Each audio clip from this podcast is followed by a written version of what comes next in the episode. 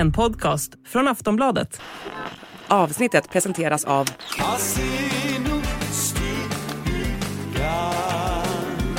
Stödlinjen.se, åldersgräns 18 år.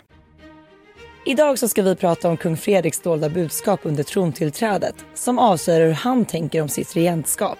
Vi ska även prata om sprickan mellan bröderna som verkar vara djupare än någonsin. Vi tar även upp det infekterade spelet bakom kulisserna när Harry och Meghan skulle välja namn till ett av barnen. Något som gjorde drottningen rasande.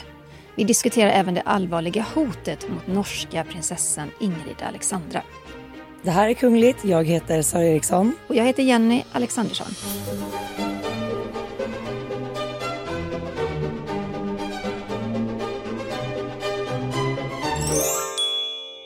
Men vi måste ju börja med att blicka tillbaka till den storslagna helgen. För i söndag så fick ju Danmark en ny kung, kung Fredrik X. Och Jenny, vi var på plats. Vi var på plats och det var fantastiskt. Det är ju ändå en historisk händelse. Det här kommer för alltid vara inskrivet i historieböckerna. Och det finns ju några saker som jag nog bär med mig lite extra. Det ena är tårarna och kyssen. Jag tycker det är så himla fint att eh, kung Fredrik, han är inte rädd för att visa känslor. Han eh, var väldigt rörd, både när drottning Margrethe skrev under abdikationen men också när han stod på slottsbalkongen och tog emot folkets jubel. Han var jätterörd och trodde, ja, man kan förstå. Det var ju ett par hundratusen människor som hade samlats där, det var helt otroligt. Och kyssen, Mm. det var ändå fint. När Mary och Fredrik eh, kysser varandra på balkongen och folket, det går som en storm över hela folkmässan när de ser detta. Och något som också slog mig, det är faktiskt hur otroligt eh, artig, artiga och lugna och trevliga danskarna är. Man hade kunnat tro att de skulle buffla sig fram och ta första bästa platser hitan och ditan. Så var det inte alls. Det Nej. var inga avspärrningar vid Kristiansborgs slott. Men däremot hade ju polisen lagt ut som en markering eh, på borggården, ungefär som att var snälla gå inte över den här gränsen. Inte en människa gjorde det. Inte ens ett staket var det ju framför. Nej, men inga avspärrningar alls. Under balkongen där man då såg honom utropas till kung så är det som en, en platta. Alltså man går upp som två steg och sen går man in genom slottsporten. Ja. Och den här plat platån, det var inte ett enda staket här, men det var heller ingen som steg upp på den. Nej, nej, de hade lagt ut som en liten så plastmarkering bara Ja. på marken. Det, det var faktiskt, det hade inte hänt i Sverige kan jag säga. Där hade folk trampat upp garanterat. Men vi har fått många frågor om just den här kyssen, ifall att man tror att var den spontan eller är det någonting de hade pratat ihop sig om innan?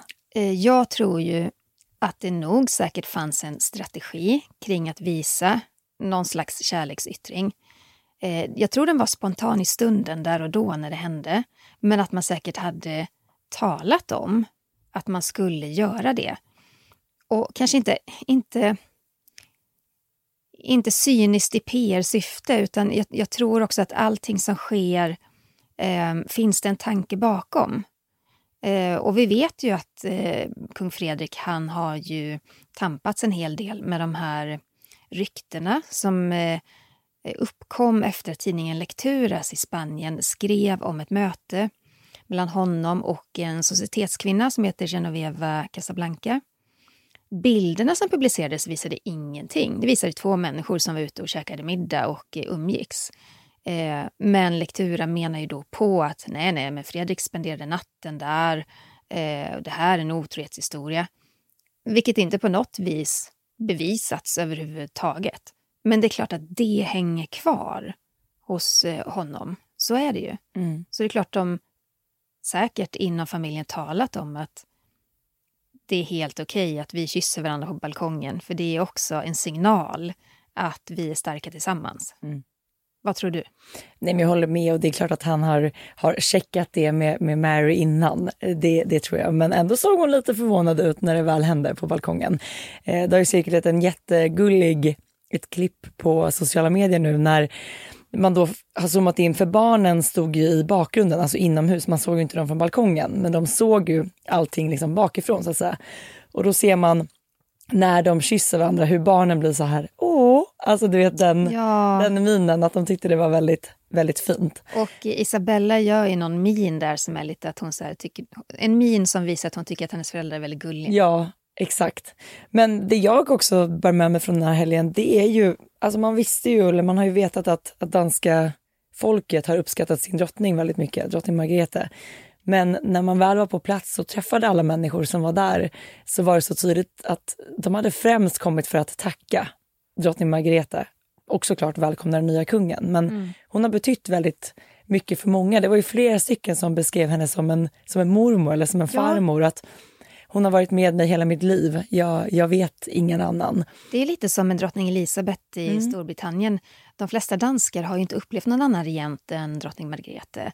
Och att hon har, precis som i, i Storbritannien, då, varit en drottning som har följt människor ja, men från 50-talet och framåt. Jag menar, jag träffade till och med en, en republikan på plats som var egentligen emot liksom hela monarkin i stort. Men han hade ändå tagit sig in till Köpenhamn för att hylla drottning Margrethe och, och liksom beundrade hennes jobb och det hon hade gjort för landet. Jag tycker det säger ganska mycket. Det gör det verkligen. Ja, när den här, det här tronskiftet var genomfört eh, så började ju vardagen för eh, den nya kungen. Och i måndag så genomförde han och drottning Mary, det ligger fortfarande lite konstigt i munnen, Ja. men man får vänja sig snabbt. Eh, de genomförde sitt första uppdrag som kungapar och det var eh, Folketingets markering av tronskiftet.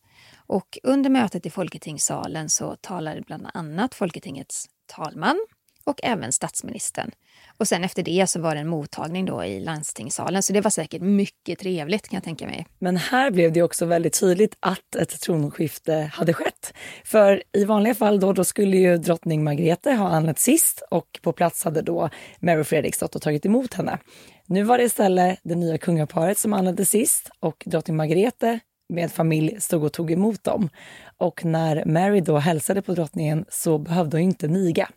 Nej, och Margrethe neg ju inte för Mary. Nej. Så de har ju satt, eh, de har ju satt ribban på det viset att eh, Alltså hade man varit helt enligt protokollet så kanske borde Margrethe ha nigit för den nya drottningen. Men det har man valt att nej, så gör vi inte. Man hälsar med en kindpuss. Nej, så har man valt att göra när det gäller då Mary och drottning Margrethe. Men framåt nu när Mary träffar andra kungligheter, eh, låt säga att hon träffar vår kronprinsessan Victoria av Sverige, då kommer ju kronprinsessan att niga för Mary, för nu är hon landets drottning. Mm. Det var ju några spännande detaljer från, från det här tronskiftet som vi noterade också. Ehm, en var en riktig miss faktiskt. När den kungliga flaggan skulle hissas på kungaparets residens, då gick det inte enligt plan. För när den eh, nådde upp då till toppen så visade det sig att den hade hissats upp upp och ner. Så då fick man hala ner flaggan igen, vända på den och så får man hissa upp den igen. Tycker så synd om dem som skulle genomföra det här. Jag menar, de har väl planerat och tränat och repeterat för det här flera gånger om och sen när det väl var då grand final och kamerablixtarna smattrade, folket var samlat, ja, då gick det inte helt, helt enligt plan. Mm. En annan miss det stod eh, statsminister Mette Fredriksen för. När hon då efter trontillträdet la upp en bild på den nya kungen för att hylla honom så råkade hon tagga fel kungahus. Istället för det danska så råkade hon av misstag tagga det norska kungahusets Instagram. Det rättades ju till såklart, men eh, aj då. Alltså till hennes försvar så har faktiskt jag gjort samma miss flertalet gånger. De har väldigt lika, alltså på Instagram ser man bara en sån pytte, pytteliten profilbild. Eh, båda, båda kontona heter ju Det Kungliga, alltså det, det börjar ju på Kungahuset, Ja, ja. och sen kommer liksom danska norska på slutet. Ja. Jag själv har gjort samma tabbe så att jag, jag känner med henne där. Eh, sen kom det ju massa personliga hälsningar som trillade in. Vi såg ju hälsning från kung Charles, en hälsning från vår kung, både till Margrethe vid abdikationen och eh, till den nya kungen. Eh, kung Harald, eh, Nederländerna såg vi också. Så det var ju många som eh, markerade det här på sina kungliga sociala medier. Ja, och så måste vi prata om kronprinsessan Victorias ord om trontillträdet av kung Fredrik. För Som vi vet, de står ju varandra mycket nära. De har ju varit ett väldigt starkt stöd för varandra under uppväxten. Både kronprins Håkon, eh, kronprins Fredrik och kronprinsessan Victoria, de har varit som en trio som verkligen har stöttat varandra vägen fram genom livet. Ja, och Victoria har ju faktiskt sagt eh, att hon betraktar dem lite grann som sina bröder. Mm. För att de har funnits där under uppväxten hela tiden. Men eh, hon har gjort en intervju, alltså Victoria, med danska eh, DR1 och vi lyssnar lite på vad hon sa i det här som blir en dokumentär. Han är absolut redo. Det, det har jag känt länge och det har han ju också visat bevis på så många gånger. Det är ju ett helt liv som han har förberett sig för den här uppgiften som han nu kommer att ha. Men han har ju vuxit upp i och med den här rollen som kronprins. Men det är också vuxit in i den här uppgiften. Han har ju vuxit samman med den. Och eh, det är klart att det har ju givit honom oändligt mycket erfarenhet, eh, kunskap och också en förståelse för det, för det danska samhället. Och det lägger ju som en, en väldigt fin bas och grund att stå på.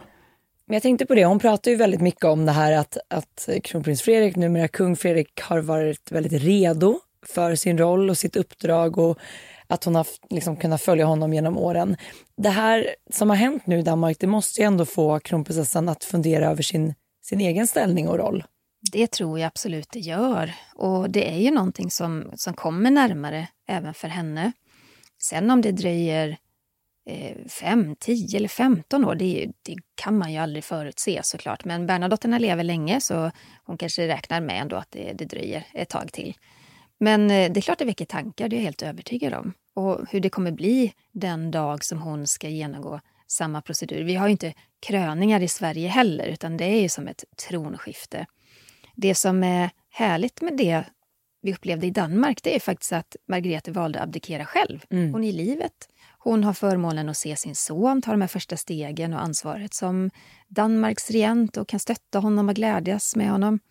Det är ju värre när det blir tronskifte där en kung eller drottning har gått ur tiden. För då har ju familjen sorg samtidigt då som den här nya regenten ska ta ansvar och kliva in i en ny roll. Det var just därför vi fick se det här. Folk var uppklädda med kronor och kungakronor och prinsesskronor. Det skålades i champagne och en hel del öl såg man också dracks Mycket öl. och jag menar, en sådan tillställning hade det ju absolut inte blivit ifall att det hade varit så att drottning Margrethe hade, hade dött och att det var därför som det här tronskiftet hade skett. Mm.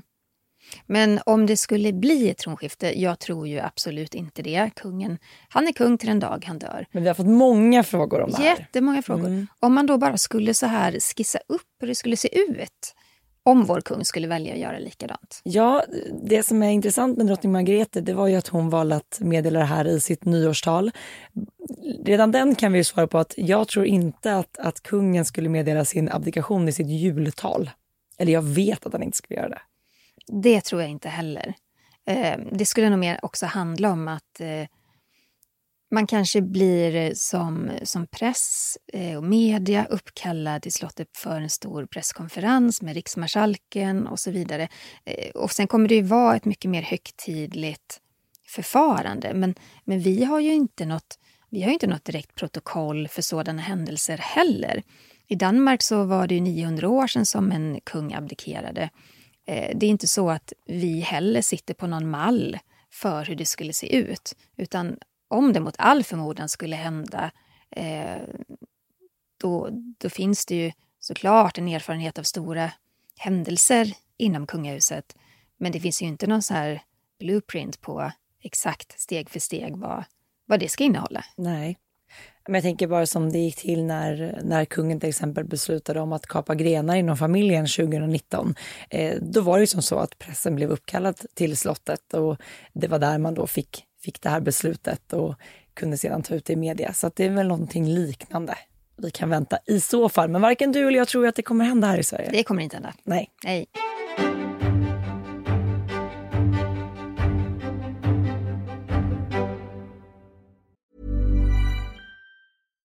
Millions of people have lost weight with personalized plans from Noom, like Evan, who can't stand salads and still lost 50 pounds. Salads, generally, for most people, are the easy button, right? For me, that wasn't an option. I never really was a salad guy. That's just not who I am. But Noom worked for me. Get your personalized plan today at Noom.com. Real Noom user compensated to provide their story. In four weeks, the typical Noom user can expect to lose one to two pounds per week. Individual results may vary. Men Sara, du, jag vet att du har fått otroligt många frågor om kläder och smycken. För det är ju, eh, man ska inte eh, skjutsa bort det här som någon ytlighet, utan det här är ju också ett maktspråk på något sätt, det här med kläder.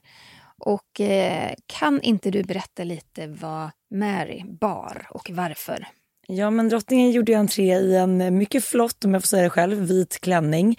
Och det är en dansk designer som heter Sören Le Smith som har skapat den här klänningen.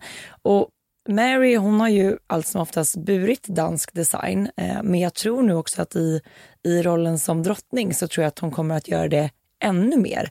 För att det finns ju någon, en väldigt en väldigt stor kraft i när kungligheterna, inte minst då drottningen, väljer att lyfta och, och belysa danska designers. Det kan ju verkligen bli ett uppsving för en designer när en kunglighet har burit eh, deras kläder.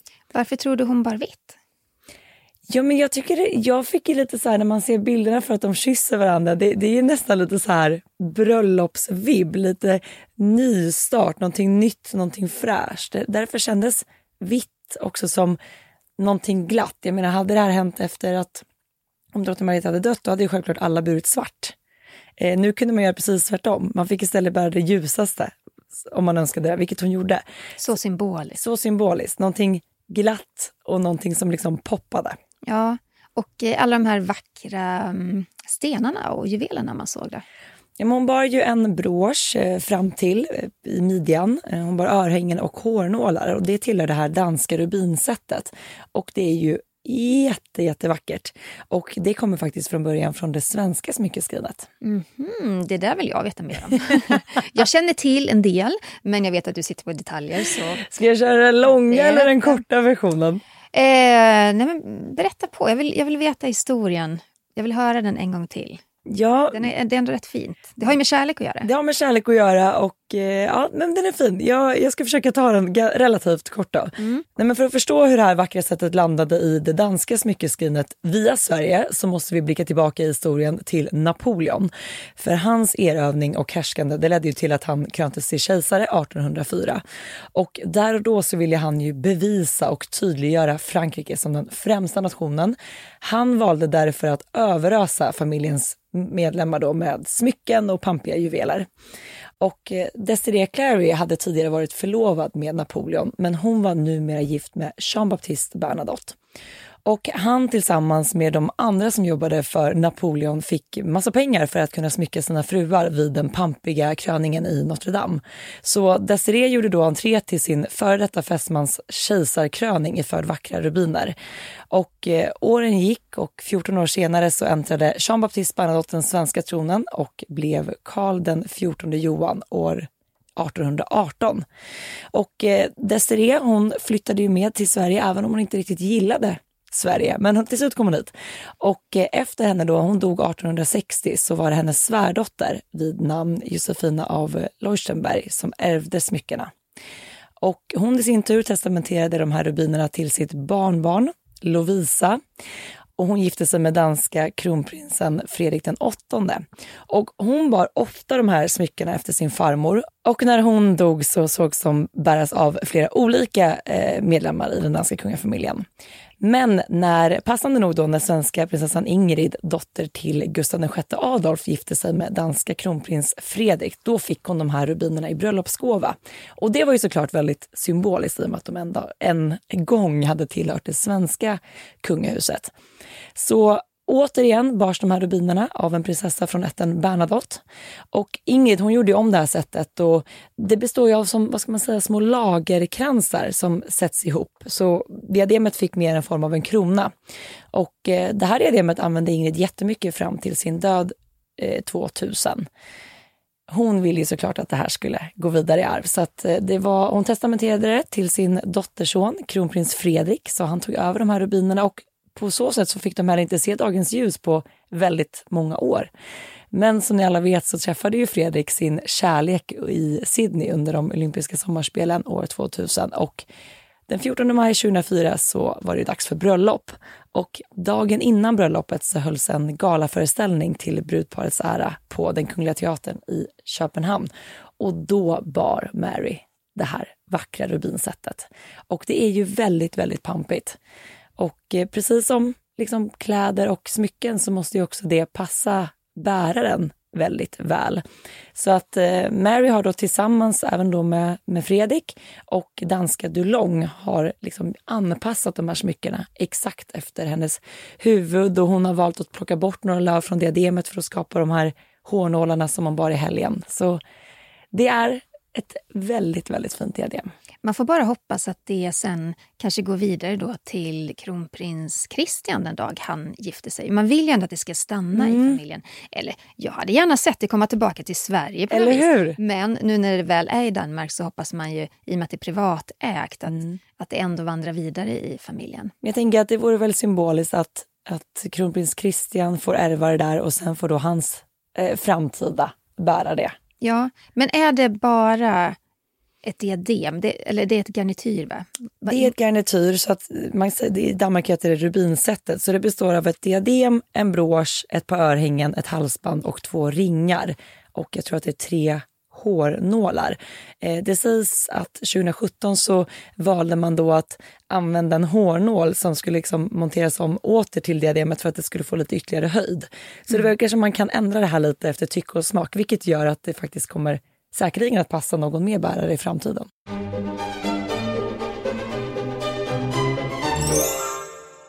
Det som också är väldigt spännande nu när Mary är eh, drottning det är att hon får tillgång till de här mycket exklusiva och historiska kronjuvelerna. Minns jag rätt så är det fyra garnityr. Ett av dem är med smaragder och det tycker jag är otroligt vackert. Jättefint. Men det här är ju då, de här kronjuvelerna är ju någonting som enbart eh, drottning Margrethe har fått burit tidigare. Men nu är det fritt fram för Mary att eh, bära dem. Men man får faktiskt inte bära dem utanför Danmarks gränser, för de är så otroligt dyrbara. Så drottning Margrethe har ju bara haft dem på inkommande statsbesök eller stora jubileum och så vidare. Och det kan man ju förstå, för skulle någon av de där juvelerna komma på villovägar, då är de oersättliga. Ja, och om man tittar tillbaka i historien så har det faktiskt hänt, inte i Danmark men i Norge, där det var ett diadem som faktiskt försvann.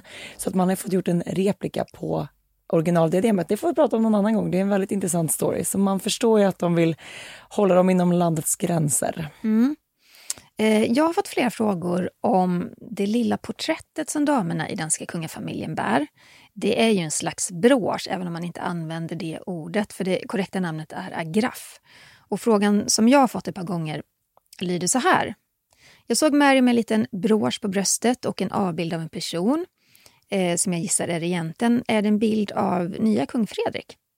Svaret är nej.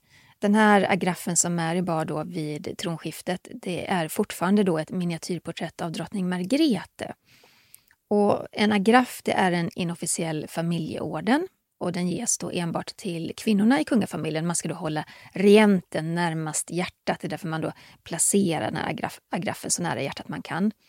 Och det är ju inte bara i Danmark man har agraffer utan det har man i flera kungahus, bland annat i Sverige och i Norge.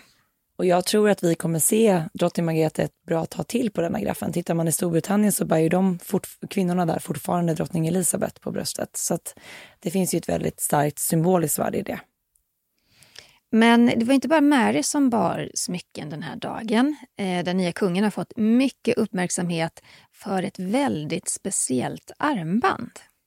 Ja, i media så har det omskrivits som ett modigt val. Vi måste prata om det här, Jenny. Mm. Det är ett så kallat eh, shamballa-armband. Och shamballa är ju, det, han, det har ju sitt ursprung i tibetansk buddhism och eh, man talar om ett paradisiskt rike, ett plats där människor lever i fred och harmoni och där ingen är sjuk eller hungrig och där Buddhas lära då ska bevaras när resten av världen är i kaos. Jo, det syntes ju väldigt tydligt när han vinkade för då åkte hans uniform ner och det här armbandet stack fram och då var det direkt frågor på sociala medier. Vad är det här? Vad står det för? Nu har vi svaret. Och den danska hovkommentatorn Jim Lyngvild han säger till eh, BT att det här visar på en kung som tror på någonting som är citat större än oss själva. Han menar att det symboliserar ett kungahus i tiden. Men eh, sen är det väl också så, jag menar, i Sverige så har vi inskrivet i i, i liksom grundlagen att kungafamiljen ska då bekänna sig till den kristna tron. Mm. Jag tror att det är något liknande i Danmark också. Blir det inte mixade signaler på något vis att han bär ett buddhistiskt eh, armband? Eller är det bara ingenting? Alltså på så sätt måste man ju säga att det var ett ganska så modigt val, för det kan ju absolut skapa debatt och ifrågasätta eh, det hela. Eh, han valde ju heller inte att ha med eh, ordet, eller Gud, i sitt valspråk, vilket hans mamma har regerat med i 52 år. Eh, så att ja, det, det, är nästan lite på gränsen till hur att det skulle kunna bli ifrågasatt. Ja, på tal om det här med, med Gud i valspråket och sådär. Det är många som har reagerat på att i och med att Margrete har det i sitt valspråk. Och Sara, kommer du ihåg Minns du hennes valspråk? Eh, hon hade Guds hjälp, folkets kärlek, Danmarks styrka. Det var ju väldigt eh, fokus på, på Gud på ja, sätt och vis. Ja. Eh, Fredrik han valde ju förbunden, förpliktigad för kungariket Danmark. Tycker hans valspråk är lite svårt att säga. Ja, det faller inte helt rätt i munnen. Men man vänjer sig säkert. Hur som helst så valde han ju då medvetet bort att eh, ha med någonting om Gud eller tro på det viset. Och det har faktiskt kommit, eller kommer komma, en nyskriven bok som heter Kongeord om Fredrik den tionde. Eh, och i den så har faktiskt Fredrik sagt någonting om det här. Eh, här är några citat ifrån boken som danska kungahuset har lagt ut på sociala medier. Kanske på grund av att det blivit en del prat om både valspråket och, och så vidare. Och även armbandet. Men Fredrik säger nu, och eh, nu är inte jag expert på danska, så håll i er. Eh, men ungefär så här. Han säger, jag är den människa jag är och det vill jag också sträva efter att eh, fortsätta vara som kung av Danmark. Och så säger han, trons styrka ligger inte i om Gud är nämnt i ett eh, valspråk, men att vi som människor, som folk, känner oss förbundna till varandra genom vår kristna tro. Och så säger han i många västerländska samfund är det viktigaste, den viktigaste frågan vad kan jag göra för mig? Eh, allt för sällan så är det tvärtom. Vad kan jag göra för er? Och det säger väl någonting om hur han ser på det hela. Att,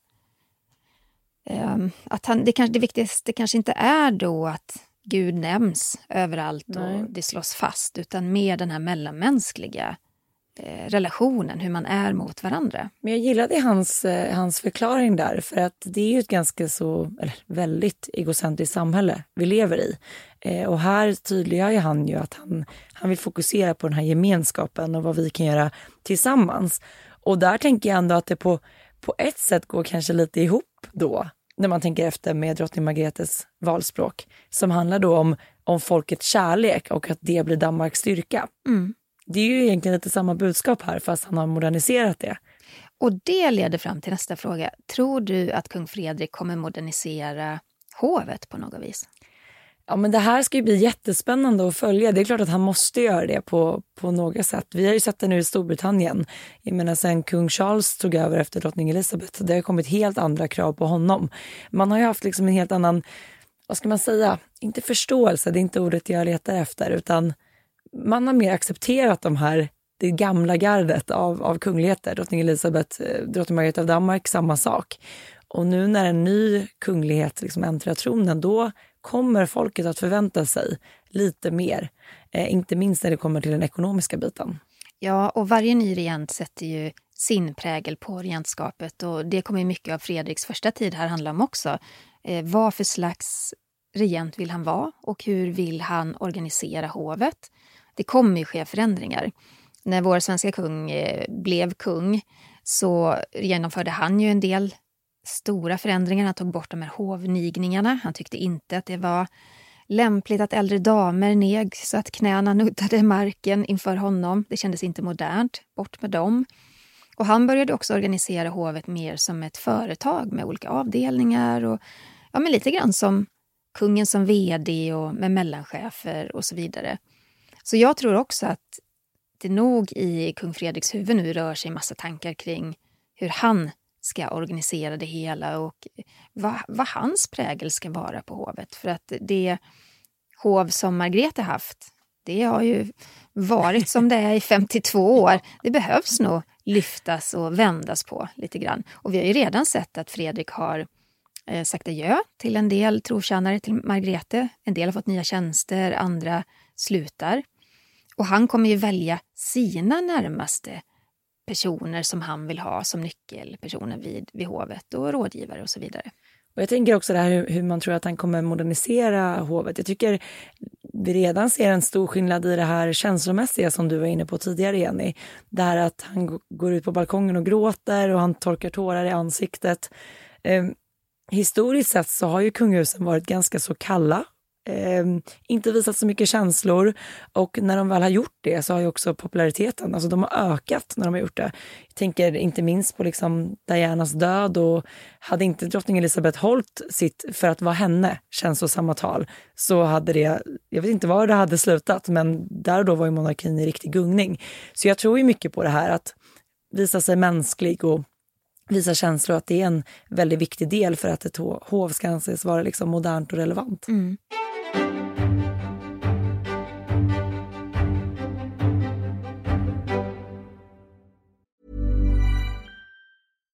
The number one selling product of its kind with over 20 years of research and innovation. Botox Cosmetic, out toxin A, is a prescription medicine used to temporarily make moderate to severe frown lines, crow's feet, and forehead lines look better in adults. Effects of Botox Cosmetic may spread hours to weeks after injection, causing serious symptoms. Alert your doctor right away as difficulty swallowing, speaking, breathing, eye problems, or muscle weakness may be a sign of a life threatening condition. Patients with these conditions before injection are at highest risk. Don't receive Botox Cosmetic if you have a skin infection. Side effects may include allergic reactions, injection site pain, headache, eyebrow and eyelid drooping, and eyelid swelling. Allergic reactions can include rash, welts, asthma symptoms, and dizziness. Tell your doctor about medical history, muscle or nerve conditions, including ALS or Lou Gehrig's disease, myasthenia gravis, or Lambert-Eaton syndrome and medications, including botulinum toxins, as these may increase the risk of serious side effects. For full safety information, visit BotoxCosmetic.com or call 877-351-0300. See for yourself at BotoxCosmetic.com. På tal om känslor så har det varit väldigt mycket starka känslor mellan eh, kung Fredrik och hans bror, lillebror, prins Joakim. Eh, lite snabbt, ni som inte känner till historien, men eh, för ett par år sedan, är det ett par år sedan? Nej, ett år sedan. Ett år sedan, det trädde väl i kraft vid årsskiftet förra året. Ja, mm. Då beslutade drottning Margrethe att prins Joakims barn, fyra stycken barn, de blir av med sina prins och prinsesstitlar. De får bara behålla de här greve och eh, grevinnetitlarna. Och det gjordes ju likt det i Sverige när kungen kapar grenar, likväl då i Danmark, att man ska smalna av och sätta fokus på regenten och tronföljaren. Det handlar om den ekonomiska biten som är så viktig nu eh, i Europa och i många, eh, i de flesta länder. Men också att eh, man ska klargöra vem som ska representera ett kungahus och, och hur många. Men det här var inte förankrat hos Joakim. Han blev fruktansvärt ledsen och besviken. Och barnen, eh, vet greve Nikolaj, han äldsta sonen där, han uttalade sig också och tyckte, han kritiserade väl inte sin farmor direkt, men, men han tyckte inte om beslutet. Och vad händer vid tronskiftet? Det här är ju den största händelsen i kung Fredriks liv. Han tar över kronan från sin mamma. Då ska ju kungafamiljen vara samlad, borde man tycka. Prins Joakim var där, men det var inte hans fru Marie och ingen av barnen. Och det sänder ju också någon slags signal kring att allt är inte hundra mellan de här bröderna ännu. Nej, och i hela det här titelbråket, om man kan kalla det så, men det var det ju faktiskt, så kom det ju även fram att, att prins Joakim och hans fru också hade liksom successivt fasats ut ifrån uppdrag och, och sådär. Så att eh, det, det, har också gjort att de, först bodde de i Paris och idag bor de i Washington. Så att de är ju ganska så långt ifrån eh, kronan så att säga. Och jag tycker att hade man ur ett PR-perspektiv hade det väl varit väldigt klokt att samla hela familjen för att visa på att de är enade, att det inte finns någon spricka, för det skrivs fortfarande jättemycket om den här sprickan inom familjen. Och istället gjorde man precis tvärtom. Eh, Men jag tror inte att det handlar om att man gjorde. Jag tror att det kan finnas en kraft där i att kanske Marie inte ville. Mm. Eh, jag skyller inte på henne, för jag, jag har ingen aning. Men någonting har ju gjort att Marie och barnen är kvar. Man skyller på att barnen går i skolan. Men jag är säker på att de hade fått ledigt för ett trontillträde. För ett trontillträde. ja. Eh, ja. Men det här spädde ju på de här ryktena, såklart. Samtidigt när man såg Fredrik och Joakim interagera med varandra så såg det ändå väldigt varmt och trevligt ut. Det är svårt att, det är svårt att beskriva det på något annat sätt. De ändå kramade om varandra och Joakim såg inte särskilt eh, arg ut Nej. på något vis. Utan... De får, göra, de får köra lite mer som i Storbritannien i Danmark och köra in massa läppläsare. Så mm. vi får förstå vad som sades bakom kulisserna. Ja. Och samtidigt så hyllade ju faktiskt prins Nikolaj, alltså Joakims äldsta son, han hyllade ju sin farmor drottningen och sin farbror på sociala medier. Mm. Han la ut bilder från när han var liten tillsammans med dem. Så Ja. att så arg kan han väl ändå inte vara. Nej, det är kanske är något som lägger sig med tiden också. Men eh, under helgen så har vi sett på sociala medier att eh, Danmark har ju steppat upp ordentligt, både på Instagram främst kanske, men eh, andra sociala medier också. Så snygga grejer de lägger upp. Ja, men det vittnar ju om en helt ny sociala mediestrategi från danska hovet. Och eh, ja, men det var mycket så här behind the scenes-bilder. Det gillar man. Det gillar man, det är, det är någonting annat. Hur det såg in, ut liksom inne på Kristiansborgs slott vid det här trontillträdet. Eh, det har varit mycket klipp, det har varit väldigt mycket så här, Musik. musik. Ja, men, eh, jag gillade också Så den här, så musik som trendar på TikTok. Ja. Och, ja. Jag gillar också det här klippet när man såg sekunderna innan kungen skulle gå ut på balkongen, hur han tog ett djupt andetag och så här, huh, pustade. Nej men, och det här såg vi också i Storbritannien att när det blev ett tronskifte där, då växlade man även upp sin närvaro på sociala medier och där har de också liksom ett helt nytt sociala medier-game. Och så gör man nu i Danmark. Jag tycker ju att Sverige och Norge måste haka på. Mm. Det hade varit kul. Jag ty- Sverige har ändå lyft sig lite grann när det gäller så bildval och, och liksom filmer och sådär. Men det är något magiskt över de här storiesarna som både Storbritannien och Danmark lägger ut. Att det är... eh, eh, Det är liksom... De gör ju kungligheterna mer eh, relevanta på Mm. något vis. Och, och också lite åtråvärda, om du förstår vad jag menar. Mm. Att, att, eh, att man sugs in i någon slags historieberättande stories som skapas. Och, och på gott och ont får man väl säga. Hårfin linje där är det ju. Ja, Men jag tänker som inför kung Charles kröning när man gjorde som en, en story på um, alltså William och Kate. När de gjorde sig i ordning inför kröningen och man fick vara inne i deras hem. Man fick se vilka tavlor de hade på, på väggarna och vilka böcker som låg framme. Det, det ger ju någonting extra. Man gillar det det gör det.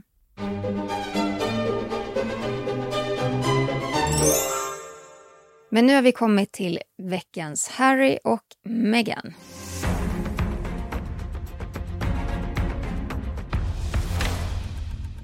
Det var ju många som hajade till när prins Harry och Meghan valde att döpa sin dotter till Lilibet. Hon föddes ju den 4 juni 2021 och eh, Lilibet var ju det smeknamn som drottning Elisabeth hade i de allra mest privata sammanhangen. Det var ju vad hennes närmaste familj kallade henne.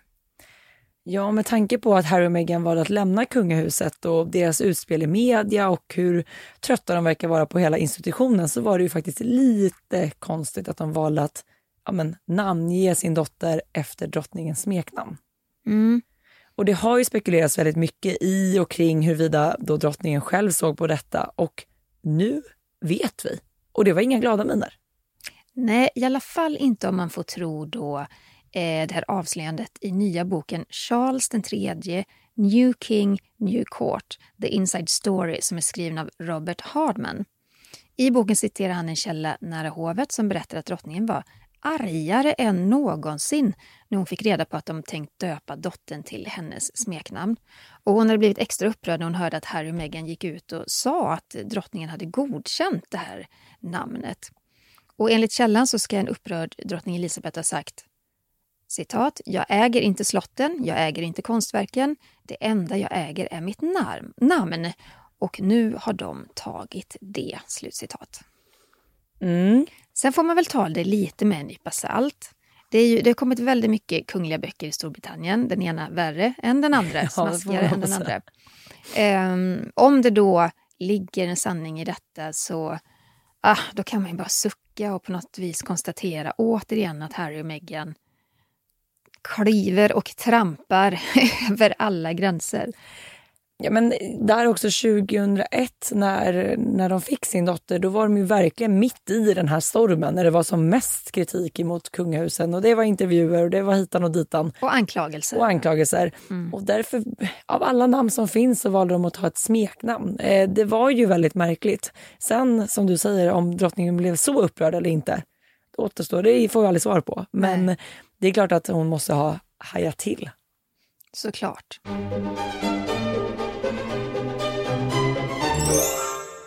Vi ska prata om eh, prinsessan Ingrid Alexandra i Norge.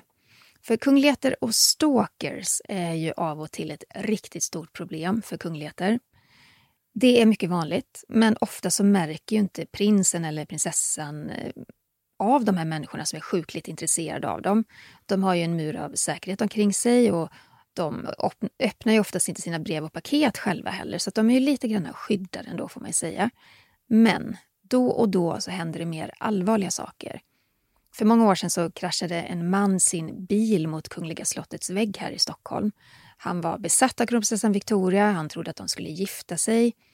Idag kan man inte längre köra in bilar på det viset på, på Borggården, men jag kan tänka mig att då när det hände så var det riktig skrämselhicka där på slottet. Det har även varit ett väldigt stort problem i, i Nederländerna också. Ja, men just det, Katarina Amalia.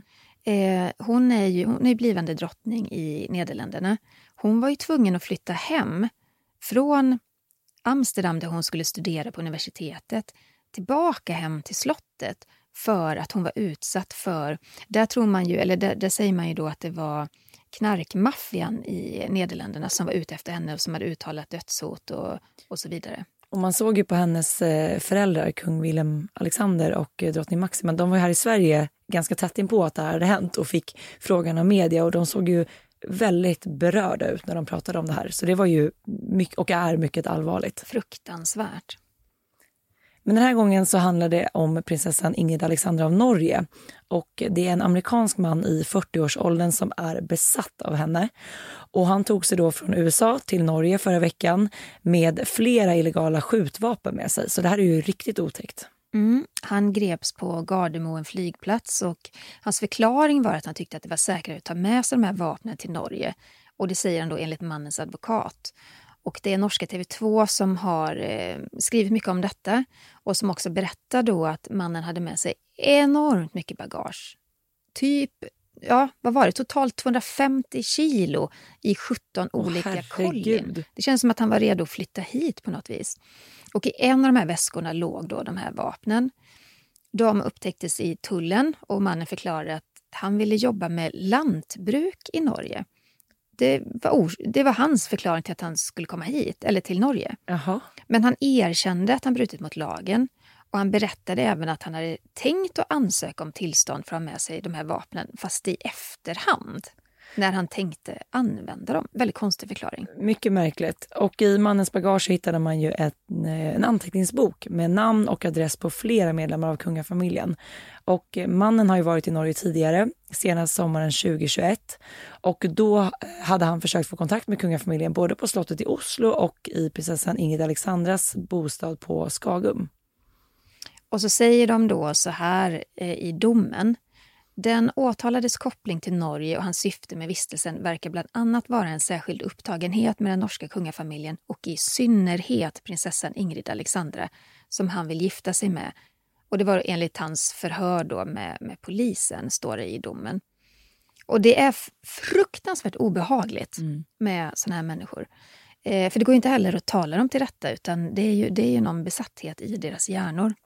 Eh, mannen ska i alla fall inom kort utvisas enligt eh, norska medier och eh, norska hovet har inte velat kommentera det här överhuvudtaget. Ja, men det här är ju jätteotäckt och man förstår ju också, om man tittar runt om i, i de europeiska kungahusen så ser man ju att år efter år så ökas ju faktiskt summan de får när det handlar just om säkerhet. Och det är klart, de kungligheterna måste ju skyddas och vi ser, har sett på flera ställen nu hur det här har förekommit. Det är väldigt olustigt. Mm. Att kliva in på Kungliga slottet i Stockholm det är som att ta sig igenom en säkerhetskontroll på en Ja. flygplats. Det är bågar och det ena med det andra och jag förstår det Mm. verkligen. Och som ni vet så blir vi så glada när ni skickar in lyssnarfrågor till oss. Fortsätt gärna att göra det. De skickar ni till kungligt aftonbladet.se. Vill ni följa oss på sociala medier där vi uppdaterar i stort sett dagligen så var hittar man dig Sara? Instagram och TikTok under namnet royalistan.se. Och var hittar man dig? Ja, främst Instagram, eh, kungligt med Jenny. Tack snälla för att ni har lyssnat på veckans avsnitt av Kungligt. Vi hörs igen nästa vecka. Hej då! Hej då!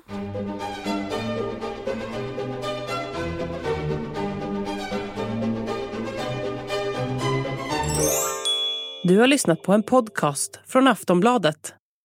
Ansvarig utgivare är Lena K Samuelsson. This message comes from BOF sponsor eBay. You'll know real when you get it. It'll say eBay Authenticity Guarantee. And you'll feel it. Maybe it's a head turning handbag, a watch that says it all, jewelry that makes you look like the gem, or sneakers and streetwear so fresh every step feels fly. eBay gets it. So look for the blue check mark next to that thing you love and be confident that every inch, stitch, sole, and logo is checked by experts. With eBay Authenticity Guarantee, you can trust that feeling of real is always in reach. Ensure your next purchase is the real deal. Visit eBay.com for terms.